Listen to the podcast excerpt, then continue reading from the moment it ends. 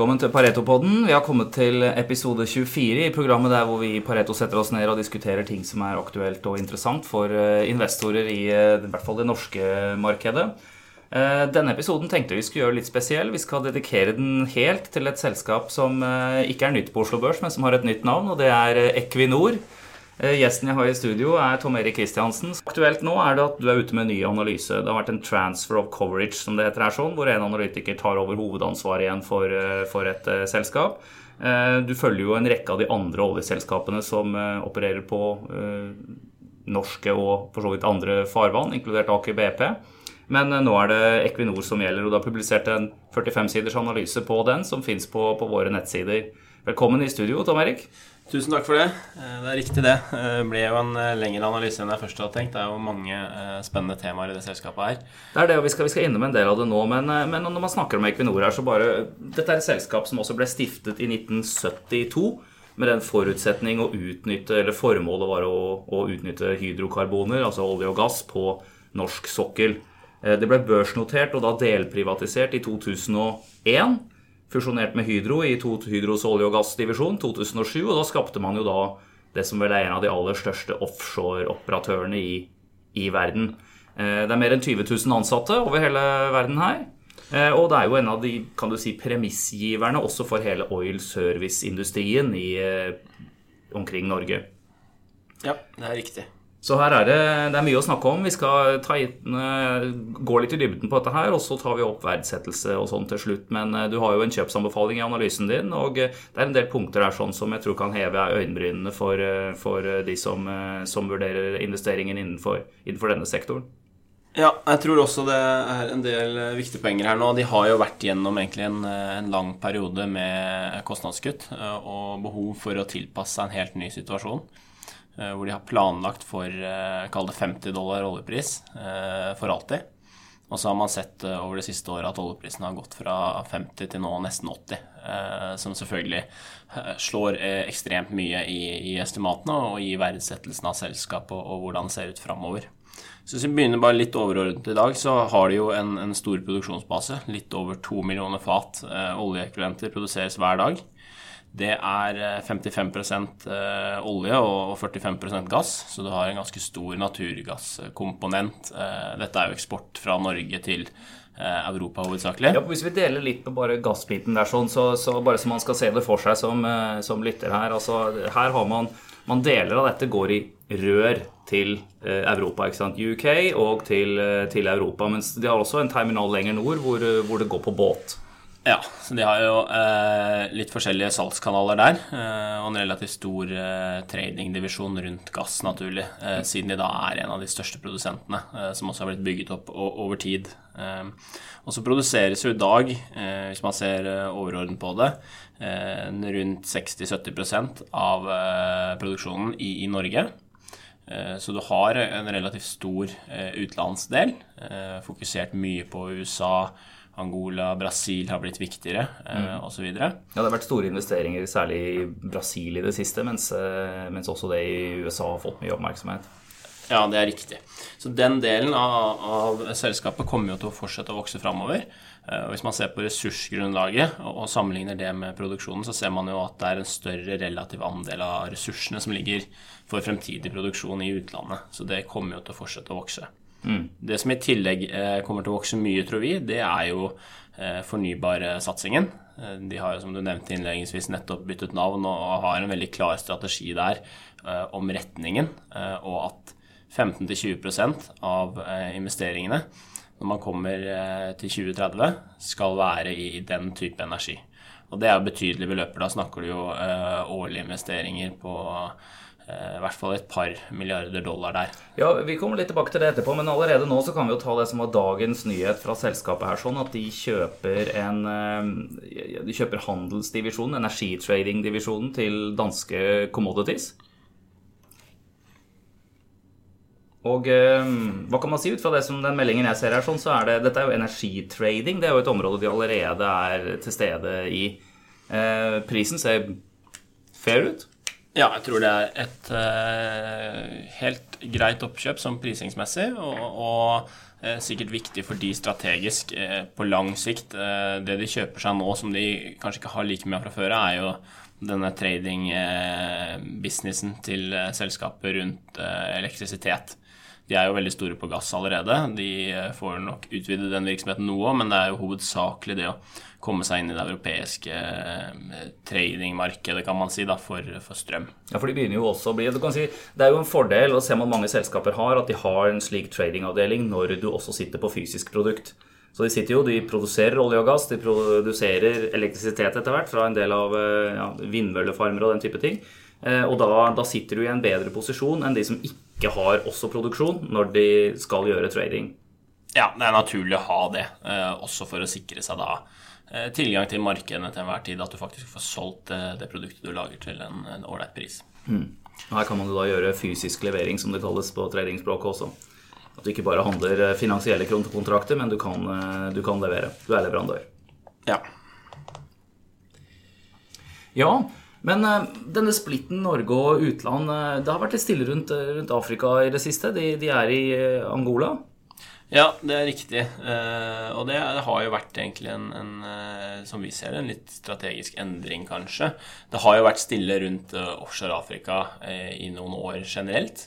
der ser vi jo at industrien gjør mye mer nå på høyere oljepriser, at det har vært en betydelig økning i aktivitet i, i år. Men for Equinor sin del så fremkommer jo Brasil som viktigere og viktigere. Og det er der man har gjort de store oppkjøpene, og, og det tror vi egentlig er fornuftig, eh, fordi det er et område hvor det er mulig å få tak i da, store ressurser og, og, egentlig jobbe med produksjonsprofilen etter 2025. Dette er jo eh, lang horisont eh, på, på, det de har kjøpt av utbyggingsmuligheter og, og letepotensialet der. Mm.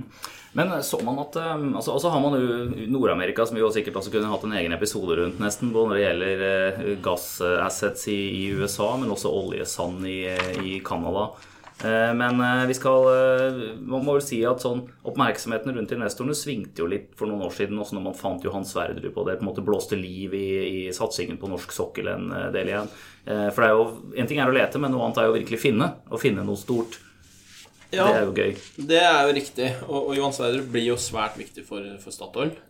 Du er jo nå ikke så langt unna, kun være ett år unna produksjonsstart. det kommer til å løfte oljeproduksjonen på norsk sokkel for selskapet med 20-30 og er noe vi tror, selv om alle vet at det kommer, markedet fortsatt undervurderer da, på hvilken effekt det har på fortjenesten til selskapet. For det er viktig å huske at selv om du har mye gass her også, så er jo olje det som er den største driveren og den største verdien her. Ja, Vi kommer straks tilbake til det når vi ser litt på, på verdivurderingen og de ulike bitene i analysen din. Men jeg tenkte først å dvele litt ved dette her med, med navnebytte. og Eh, alle har vel hatt eh, sånn en, en, jente eller en gutt på skolen som plutselig endra litt på navnet sitt og begynte å få masse tatoveringer og begynte å gjøre litt andre, andre ting. Eh, og, og, endte jo ofte opp med å bli en litt annen person etter hvert, og signaliserer jo det med nettopp sånne ting. Og, og her har jo Det var jo mange kanskje som ble overrasket akkurat når når Statoil byttet navn til Equinor, men de virker jo å ha en, um, hatt en veloverveid prosess i forkant, og at de har en god begrunnelse for dette her. Og dette er ting som de, de markedsfører ganske sterkt nå, at de ønsker å bli et bredere eh, energiselskap. De var jo allerede på plass innenfor vind. Eh, de har begynt å gjøre noe i sol sammen med et annet norsk selskap, eh, Scatec Solar. Vi hadde jo sjefen der innom for noen, noen episoder siden, så man kan høre mer om det på på den podkasten. Men, eh, men, eh, hva er det de posisjonerer seg for her? Hvis man ser på det de har gjort så langt, eh, så syns vi egentlig at de har gjort ganske mye riktig på vind og sol. Det er jo fortsatt relativt små områder for selskapet i dag, men dette er jo teknologier som man kan skalere mye, og man ser for seg, hvis man ser på disse vekstprognosene, at det kommer til å komme veldig mye vekst.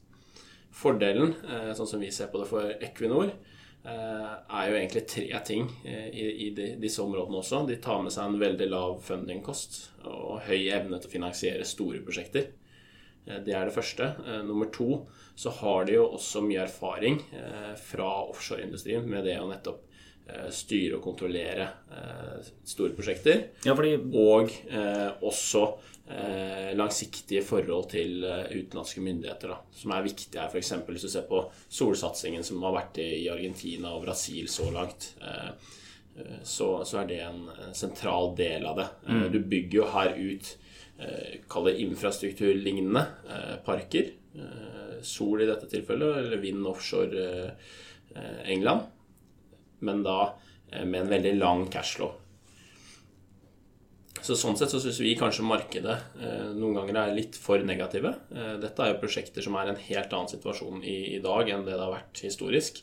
Ja, fordi, fordi, dette er noe investoren er litt redd for. fordi eh, Man har jo hatt en masse prosjekter som har vært veldig dyre eh, gjennom tiden på dette her. og jeg husker jo det var, det var mye styr rundt fond som investerte i grønn energi og sånt for, for et tiår siden. Eh, og den gangen så var, eh, var, dette her sektor som var veldig avhengig av subsidier for å være lønnsom, og som du sånn sett måtte, måtte se for deg å skyte inn mye kapital i en god stund fremover. Eh, nå, nå, opplever jeg jo at dette her er, en, er, i en annen fase. Mange av disse selskapene står jo på egne bein og er selvfinansierende også uten subsidier og sånne ting, både innenfor sol og, og vind, og at man er i en fase hvor du, hvor du, du, du ja, du kunne gått inn i dette her på helt kommersielle vilkår da, uten at man på en måte kaster bort masse penger eh, underveis. Så må man jo også si det at, at, at, både sol og vind, som jo skal levere eh, baseload-energi, altså strøm hele tiden ikke sant, inn mot, uh, mot uh, markedene sine, det ligner jo egentlig litt på gass. Altså Det er mye av det samme der. At du skrur på krana. Du er en, du er en jevn leverandør, en som man kan stole på inn til store markeder når det gjelder kan du si, den hverdagsstrømmen. Mens olje er jo en mye mer eh, portabel råvare, hvor du, du, setter den på en eh, båt, og den kan eh, dras hvor som helst, og du kan lage nesten hva som helst av den. Alt fra plastikk til flybensin til, til Og det er lettere å lagre ja, enn strøm, typisk. da. Det er det. Så, så disse strømproduserende investeringene, det ligner jo egentlig litt på mye av det som man har med, med, med, gass, som jo igjen brukes til å produsere strøm, eller, eller direkte som energi i store deler av Europa. Ja, Et sentralt poeng du var inne på der, er jo det som har skjedd på fornybart. Eh, I forhold til at man kanskje har gått fra for 10-15 år siden og egentlig kun har muligheten til å investere i teknologisatsinger eh, for å få dette lønnsomt og utvikle det, til i dag å kunne velge om man vil inn i den delen av verdikjeden, eller i den delen som eh, f.eks. som Scatec Solar, da, som er utbygger og, og driver eh, solparker, og som dermed ikke eh, direkte er noe veddemål på hva man klarer å oppnå av eh, framskritt teknologimessig framover. Det er allerede lønnsomt. Du setter opp noe som eh, fungerer i dag, og, og, som gir deg en fast kontantstrøm med relativt lav risiko. En del av disse prosjektene har jo også eh, prisgarantier eller, eller avtaler med myndighetene over relativt lang tid. Ja. Eh, så det er jo prosjekttyper som vi syns det er eh, fint å se at eh, Equinor har valgt å satse på. Så er vi mer skeptiske hvis vi hadde sett et stort oppkjøp eh, som er mer teknologirisikorelatert.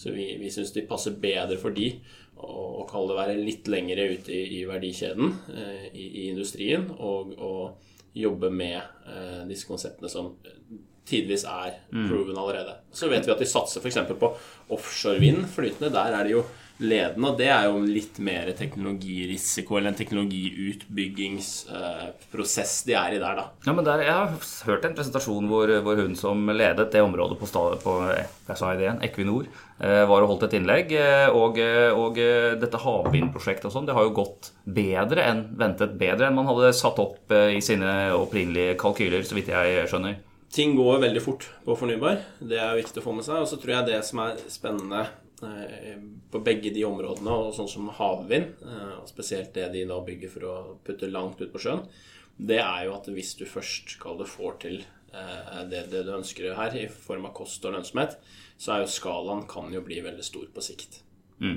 Men dette er jo et av punktene, du som snakker med investorer både inn- og utland, dette er vel et av de punktene som de har på blokka si nesten hver gang. Det er at man man er eh, bekymret eller opptatt av eh, hva, hva, Equinor gjør med sine investeringer, ikke sant, rett og slett. Ja. Hva man gjør med den kontantstrømmen selskapet genererer i dag fra olje og gass, er, er et sentralt tema. Eh, og hvilken avkastning man tror man kan klare å få på den, og, og da gjerne også risikojustert. Da. Mm, ja.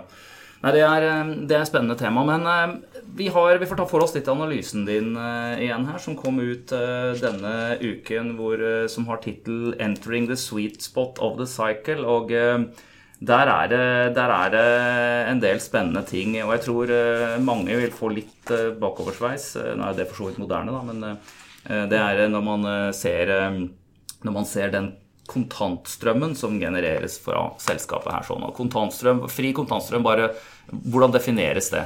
Det er jo enkelt forklart bare hva eh, Equinor sitter igjen med etter alle kostnader. Eh, så når ett år har gått, eh, så er det på en måte det Hvor mye har kassa økt, på en måte? Altså, ja, før, mm. før utbytte, da, som, som, gir deg en fleksibilitet. Den frie kontantstrømmen kan du jo gjerne bruke på utbytter, oppkjøp, tilbakekjøp av aksjer, nedbetaling av gjeld. Og det er jo egentlig den kombinasjonen der vi forventer framover nå. Så for å ta litt på cashflowen, eh, som jeg også tror er eh, undervurdert i markedet i dag Vi er jo 40 eh, over konsensus de neste tre årene. Vi ligger litt framme i skoa her. Som er, er, et høyt, høres ut som et veldig høyt tall, men det, det er jo en del drevet av den oljeprisoppgangen vi har sett i det siste. Så vi regner jo med at når alle andre oppdaterer, at de også kommer en del opp. Ja, for de av lytterne som vil høre mer om oljepris, så var det forrige podkast hadde vi oljeanalytikeren vår her og gikk grundig gjennom det caset. og og vi ser jo for oss at oljeprisen kommer til å holde seg på et, et forholdsvis høyt nivå lenge. Som for så vidt ikke er noe veldig annerledes enn det eh, energibyråene internasjonalt også nå har i sine prognoser. Ja, og det eh, som skjer på fri kontantstrømsiden her i, i, Equinor, er ganske enormt. Eh, etter at de har fått kontroll på kostnadene og fått ned kostnadsbasen sin eh, betydelig. Så ser vi jo nå at de på våre estimater de neste tre årene, altså fram til 2020, kommer til å generere mer eh, free cashflow eller fri kontantstrøm enn de da har gjort i sine 17 foregående år som et listet børsnotert selskap i Oslo. Vi tar den en gang til. Altså mer fri kontantstrøm de neste tre årene enn på de 17 foregående årene de har vært børsnotert til sammen. Til sammen. Eh, som selvfølgelig er, høres eh, helt vanvittig ut, egentlig. Eh, men det er da situasjonen du er i nå. Uh, og, det ser uh, sånn sett svært bra ut for dem. Og, et annet eksempel, bare for å ta det Nå har de jo vært gjennom en oljeprisnedtur de siste årene, hvor selskapet har hatt negativ Eh, kontantstrøm et par, par av årene også. Men de opprettholdt utbytter og kjørt den underveis? Det har de gjort. De har opprettholdt utbytte uh, og har på en måte hatt en robust balanse til å gjøre det. Det gikk jo riktignok over til et sånt sklipp-system som mm. det er delte meninger om, men, men, de har fortsatt å betale utbytte i, perioden. Og det er jo en av disse tingene mange investorer liker med de store oljeselskapene. At det utbyttet er fast, og det Eh, gjøres lite med. Eh, så relativt stabil eh, kontantstrøm til de som sitter og eier aksjen. Ja, for man må tenke på det at mange av disse, denne type selskaper eies av store internasjonale investorer, inkludert pensjonsfond og den type ting, som er, som er avhengig av en viss løpende kontantavkastning på sine investeringer. Og den ligger jo for Equinor og for lignende selskaper ofte sånn rundt 5 ish ikke sant, i, i året. Mm. Og det viktige med kontantstrømmen, det er jo uh, selvfølgelig hva de, hva de, gjør med den. Uh, og der tror vi jo på nå over det neste året at det kommer tilbakekjøp av aksjer. Uh, det har jo selskapet snakket om egentlig allerede. Så det tror vi blir annonsert. Og så tror vi også at de har rom til å øke utbyttet og fortsette å finansiere vekst av innenfor fornybar og innenfor områder sånn som Brasil. Så vi tror vi kommer til å se at de fortsetter å, og også gjøre oppkjøp med den cashflowen. Men det er klart det er, det er store tall. Du har jo da de neste tre årene estimerer vi 28 milliarder dollar i fri kontantstrøm. Det er 225 eh, milliarder norske kroner. Så, det er en eh, ganske enorm skala på den cashloven som kommer, eh, og, hvilke muligheter det da også gir. Så til de som f.eks. sier at cashloven har ikke så mye å si, for alt skal liksom inn i fornybar, eller alt kommer til økte kostnader på norsk sokkel, som vi tror kommer opp igjen over tid.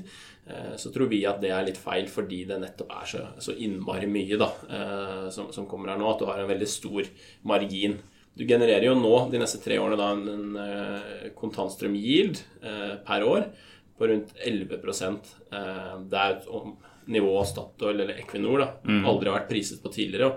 Og for å putte i perspektiv så er jo snittet de siste ti årene 3% så er tre ganger det snittet. Dagens utbytte er på 3 0,5 eh, Så du har da free cash flow tre ganger dagens utbyttenivå, som vi tror mm. kommer opp da. Ja, det gir jo store rom. Så, så, for de som sitter og eier aksjen, bare for å ta litt sånn regnestykke på det, da, så kan du da de neste tre årene eh, så kan du få utbytte, forvente da få et utbytte minst like bra som du har hatt i de foregående årene. Antageligvis, tror vi, vesentlig høyere. Samtidig så kan det være, og det kan du jo selvfølgelig bruke til å kjøpe mer aksjer for, hvis du bare skal på en måte opprettholde din, eh, din posisjon eller øke din posisjon der. Samtidig så kan selskapet selv kjøpe tilbake egne aksjer, som jo er kursdrivende gjennom at det blir færre utestående eh, aksjer. Eh, og likevel så, så, vil det bygge seg opp kapital i selskapet, så gjeldene reduseres, alle de tingene der. Eh, bare ta så, så, så det, er, det, ser jo fryktelig gunstig ut. Og det er jo ikke sånn at det ser ut som det er slutt i 2020 heller, selv om vi i våre estimater, og det kan du kanskje si litt mer om, på lengre sikt både ser for oss en litt lavere oljepris, pluss at kostnadene jo kan forventes å komme noe opp. Ja. Dette er jo en syklisk industri, så den, den, den kontantstrømmen vi ser nå de neste tre årene, kalles tre til fem årene, eh, kommer til å være eksepsjonelt bra. Eh, derifra ut så tror vi på en en litt mer normalisering, eh, hvor kostnadene normaliserer seg sånn at serviceindustrien igjen tjener penger, osv. Så videre. og en litt lavere oljepris enn vi tror på det korte bildet. Så, så pga. det så, vil man jo se normalisering etter da en eksepsjonelt bra periode her nå.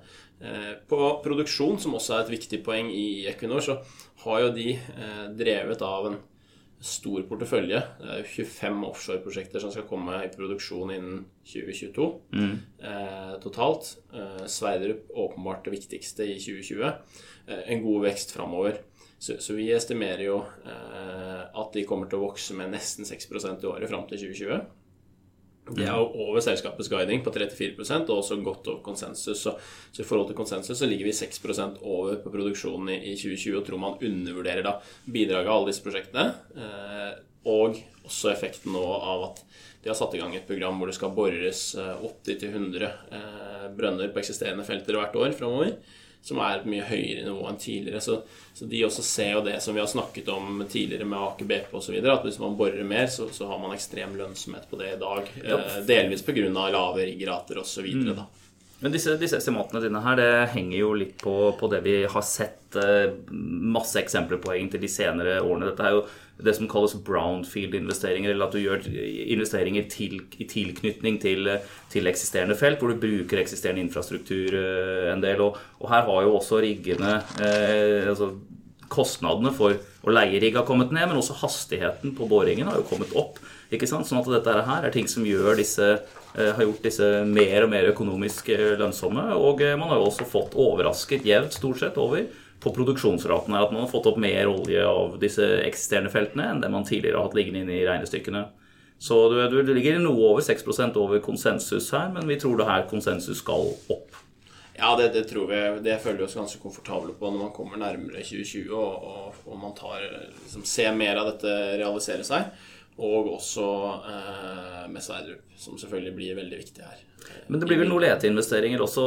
Man snakker om Barentshavet, men man har, man har snakket eh, mye. Man har boret en del, man har funnet begrenset. Ja, leteresultatene de siste årene har jo vært dårlige. Eh, hvis man ser på, eh, på Equinor sine leteresultater, så hadde de jo gode resultater egentlig i i kalde perioden 2010 eh, til 2013. Det var jo også en periode de investerte veldig mye. Eh, det var en periode hvor de bygde ressursbasene og holdt den mer eller mindre flat etter produksjon.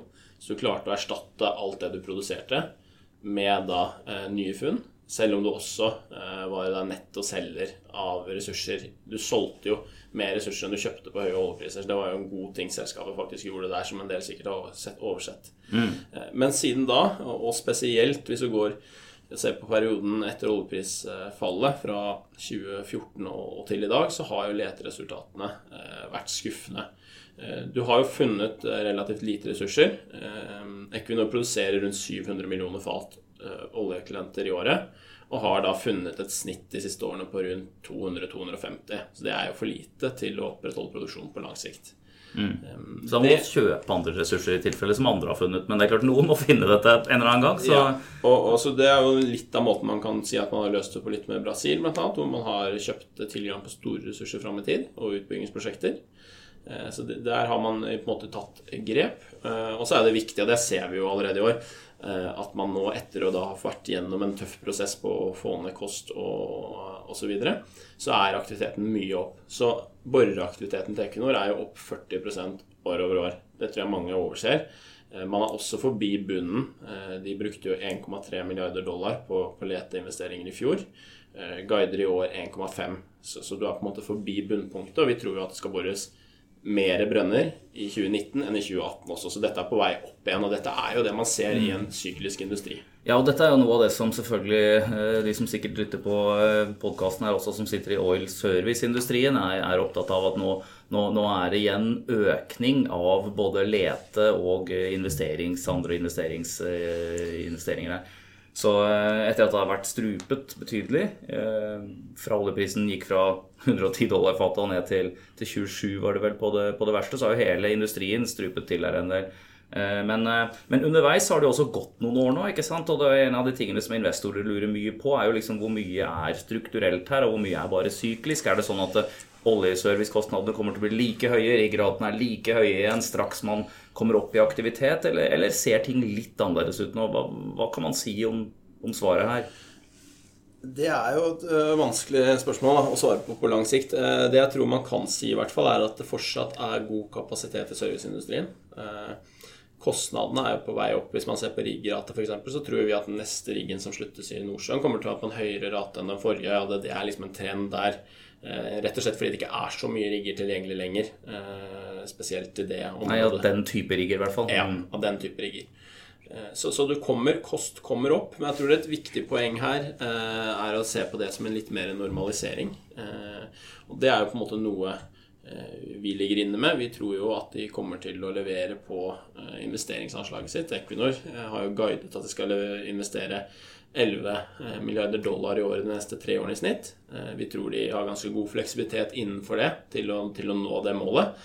Men det er klart du har nok bygd inn der en viss Eh, buffer mot, mot, høyere kostnader også. For det, det, kommer til å komme, og, og, det tror vi. Men vi tror nok at effekten her blir større, kall det etter 2020. Eh, og det er jo det estimatene våre på kontantstrøm osv. videre også eh, reflekterer, enn det blir de neste to-tre årene. Her er vi fortsatt kommer til å være i en litt sånn sweet spot, for, mm. er det vi argumenterer mm. for.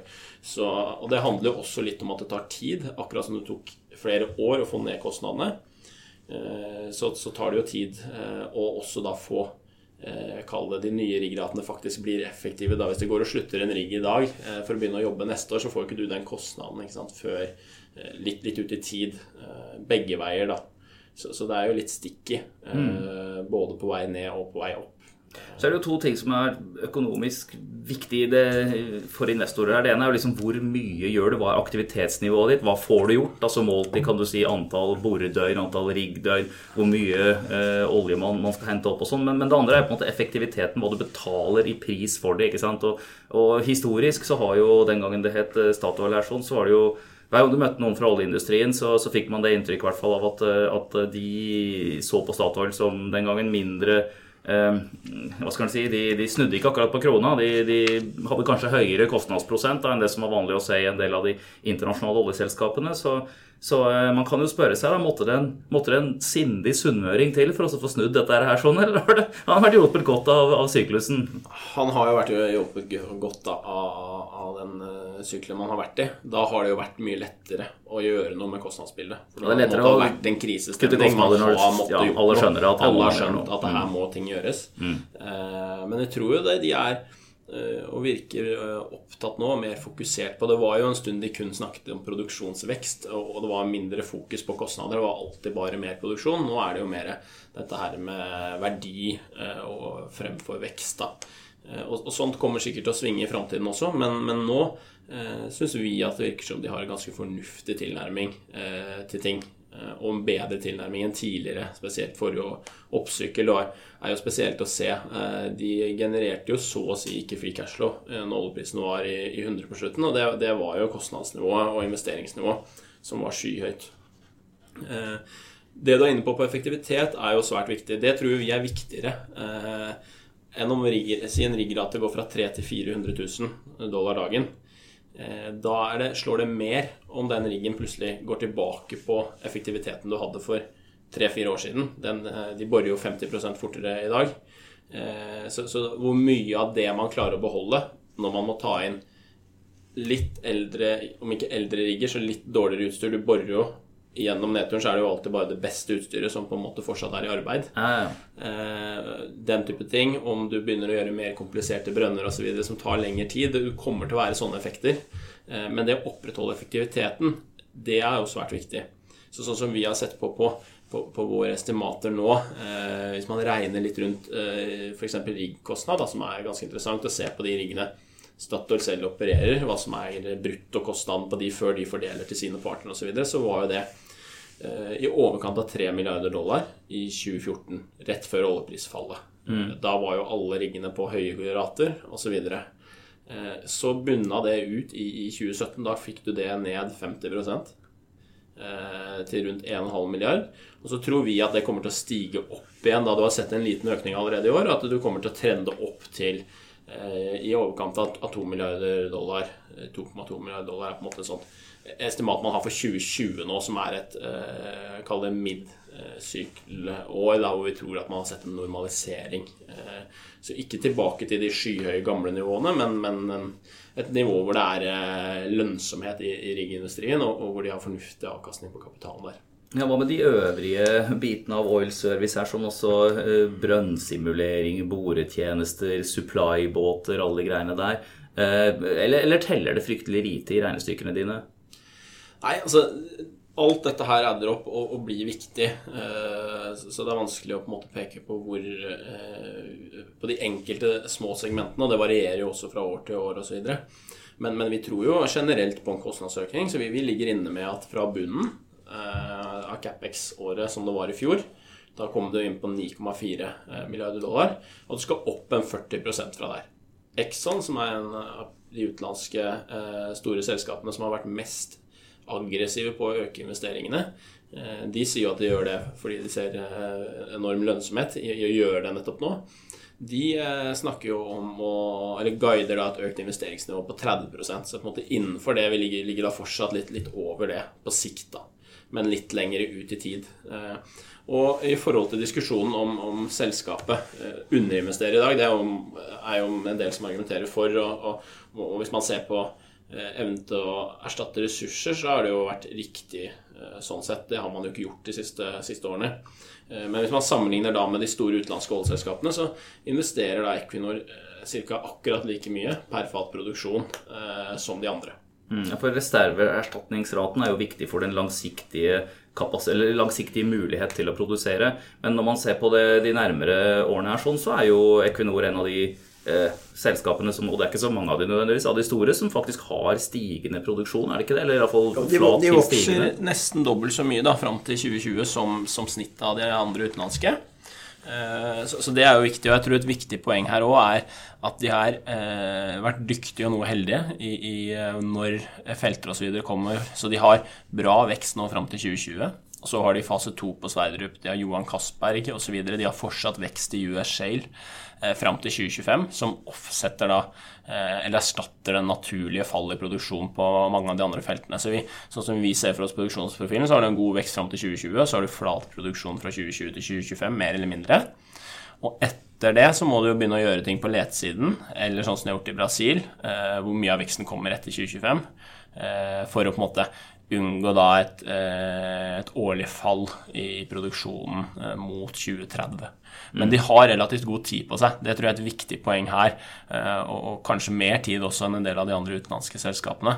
Nettopp pga. sånn som Sverdrup, som på en måte kommer nå på et veldig heldig tidspunkt for selskapet. Uten det feltet så ville de jo hatt en ganske annen vekstutvikling og sikkert fokusert mye mer på å klare å opprettholde produksjonen, sånn at ikke man ikke er et selskap som blir mindre og mindre for hvert år som går. Ja, ja. Eh, hvordan oppsummerer vi dette her, eh, da? Du har, en, eh, du har en kjøpsanbefaling på aksjen og kursmål 260 kroner. Det er vel opp 50-60 kroner fra der hvor den handles nå, i hvert fall? Ja, det er riktig.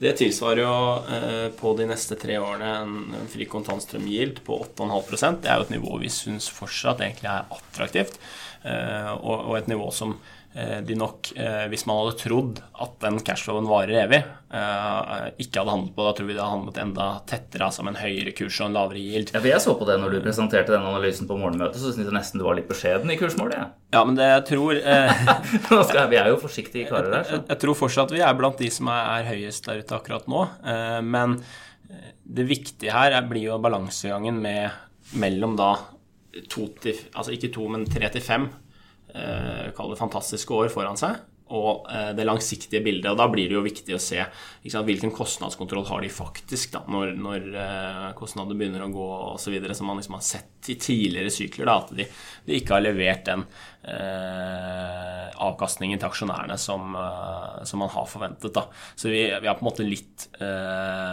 moderate i hvor høyt vi tror man skal prise dette på, på et veldig positivt bilde de neste 35 årene, fordi vi Eh, ønsker å se litt mer beviser da, ut i tid eh, mm. for hva vi faktisk klarer å, å opprettholde langsiktig.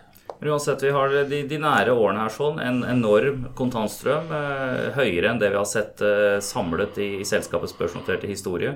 Eh, de kommer til også å gjøre helt sikkert større investeringer på, på norsk sokkel også, i hvert fall når det gjelder å utbygge eh, eksisterende felt. Vi kan vente økning i leteaktiviteten. vi kan vente at de gjør mer investeringer innenfor sin eksisterende produksjon internasjonalt også, de stedene de er til, til stede der. Ehm, det kan bli økte utbytter, det kan bli tilbakekjøp av aksjer. Men ehm, så kommer jo det som kanskje er vanskeligst å estimere, da, og det er jo investeringer, altså eller andre oppkjøp.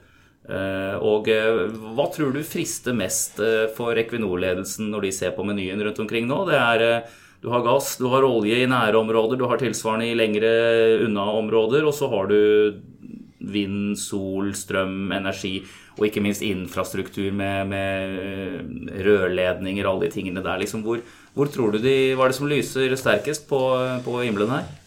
Jeg tror de kommer til å fortsette å gjøre mer av det vi har sett de siste par årene nå. Eh, det har jo vært eh, tror, Sånn som Brasil-satsingen tror kommer til å fortsette å øke. Det er også noe vi tror kommer til å fort vise seg å være veldig lønnsomt for dem. Så det, Der tror vi det kommer til å gå mer kapital og mer investeringer. Eh, både i form av eh, hvor de eh, putter investeringsbudsjettet sitt, men også oppkjøp. da. Så vi tror det kommer mer der. Og så er det klart at fornybarsatsingen den krever kapital. Og de kommer til å gjøre større ting der også. Og da tror vi at det kommer til å være mest på linje med det vi også der har sett så langt, i, form av dette vi snakket om i stad, på litt mer infrastrukturlignende eh, prosjekter. Eh, typisk lang levetid, eh, stabil produksjonsbase av strøm gjennom mm. disse fornybare kildene osv. Så, videre. så der er det jo mye muligheter. Det er jo veldig vanskelig å spå hvor stort og hvor mye og hvor fort de, de gjør ting der. Men det er klart de har nå en unik situasjon også, fordi du nå har så mye mer eh, penger å, å, rutte med de neste årene, til, til, å på en måte få eh, fart på, på, denne satsingen uten at det da eh, går drastisk utover eh, andre segmenter du har. Da. Du har mer fleksibilitet nå enn du noen gang har hatt før, eh, og det tror jeg de kommer til å utnytte eh, på et bredt spekter da, av, av, dette du snakket om med økt utbytte, tilbakekjøp men også da eh, fornybarsatsingen. Så tror jeg det er viktig å, å, å, få med seg der at det kontra tidligere er eh, en god del eh, prosjekter med god lønnsomhet. Hvis man ser på sånn som Scatec Solar, som jo kun gjør den type prosjekter Statoil har blitt med på som partner på. Ja, De har vært med partner på et par av de prosjektene. og Scatec gjør jo denne type ting over hele verden. Og det er ganske kapitalkrevende en del av det, ikke sant? Ja, men det er jo nesten en fordel for Equinor, som har tilgang på billig kapital mm. Eh, og har et lavt avkastningskrav sammenlignet med mange av konkurrentene. Eh, I hvert fall sånn som de, de kaller mindre selskapene som Scatec Solar. Eh, så kan jo Equinor komme inn som en finansieringspartner. Det er jo egentlig det de gjør. Og, får da også være med på prosjekt og cash og fram i tid. Så, det tror jeg er, er, noe man kommer til å se mer av. Og, og det er jo et selskap som på mange andre prosjekter allerede har levert god lønnsomhet. Så det er jo god lønnsomhet å gjøre den type investeringer i dag. Så, så det er vi egentlig eh, relativt positive til. Og så er det hvis man skal på en måte eh, være forsiktig med hva er det man skal passe på eh, som Equinor-investor. Man ser litt på nedsiderisikoen ja, det, Nå har det jo vært veldig mye positivt Det har vært veldig mye positivt, så det er liksom eh, veldig rosenrødt. Men jeg tenkte jeg skulle spørre deg om det. det hva, hva ser du som den største risk? Altså, den største risken er jo, er jo åpenbart lave rollepriser. Det, det, er, det er den store svingfaktoren, den store, den store driveren. Det er den som flytter, tror vi, eh, de neste to-tre årene eh, markedcapen på et selskap som har vært nesten 100 milliarder dollar. Så er det det som er den store. Ikke om du gjør et fornybar oppkjøp til, til 1 milliard dollar. Det, det slår mindre eh, på totalen sånn på skalamessig fordi olje- og gassvirksomheten er så enormt stor. Mm. Men i tillegg til oljepris så er det jo da kostnadsnivået skal man passe på. Man skal følge med på hva som skjer på på investeringssiden og, og forbruket, altså spending, egentlig. Det blir spennende. Og så er det jo selvfølgelig på oppkjøp. Der er det jo alltid usikkerhet knyttet til om man betaler for mye, og, og hvilken risiko man tar på seg. Så, så, vi håper jo på en måte å se at de holder seg litt til det de har gjort til nå, eh, og ikke går inn i for eh, kall det teknologi, eh, risikoprosjekter. Eh, mm. Type sant, utbygge helt nye konsepter osv. Det, det, det tror vi kanskje andre er bedre på enn en Equinor.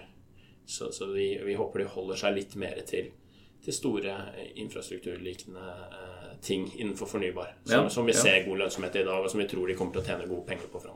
Dette ser jo bra ut, og da får vi vel eh, da, Så det, det, ser jo forholdsvis bra ut her. Og det er klart at det, eh, man kan overraske på oppsiden med å gjøre funn innenfor leteprogrammet sitt. Jeg kan vel kanskje avslutte der med en annen kjent oljeprofil, John D. Rockefeller, var det vel, som sa som sin suksessoppskrift for, for hvordan bli rik. Det var å stå opp tidlig, jobb hardt, finn olje. Ja, det er, det er, jo mye av det de, de, gjør om dagen også. Eh, så det er sikkert en, en, bra avslutning, det. Da sier vi tusen takk.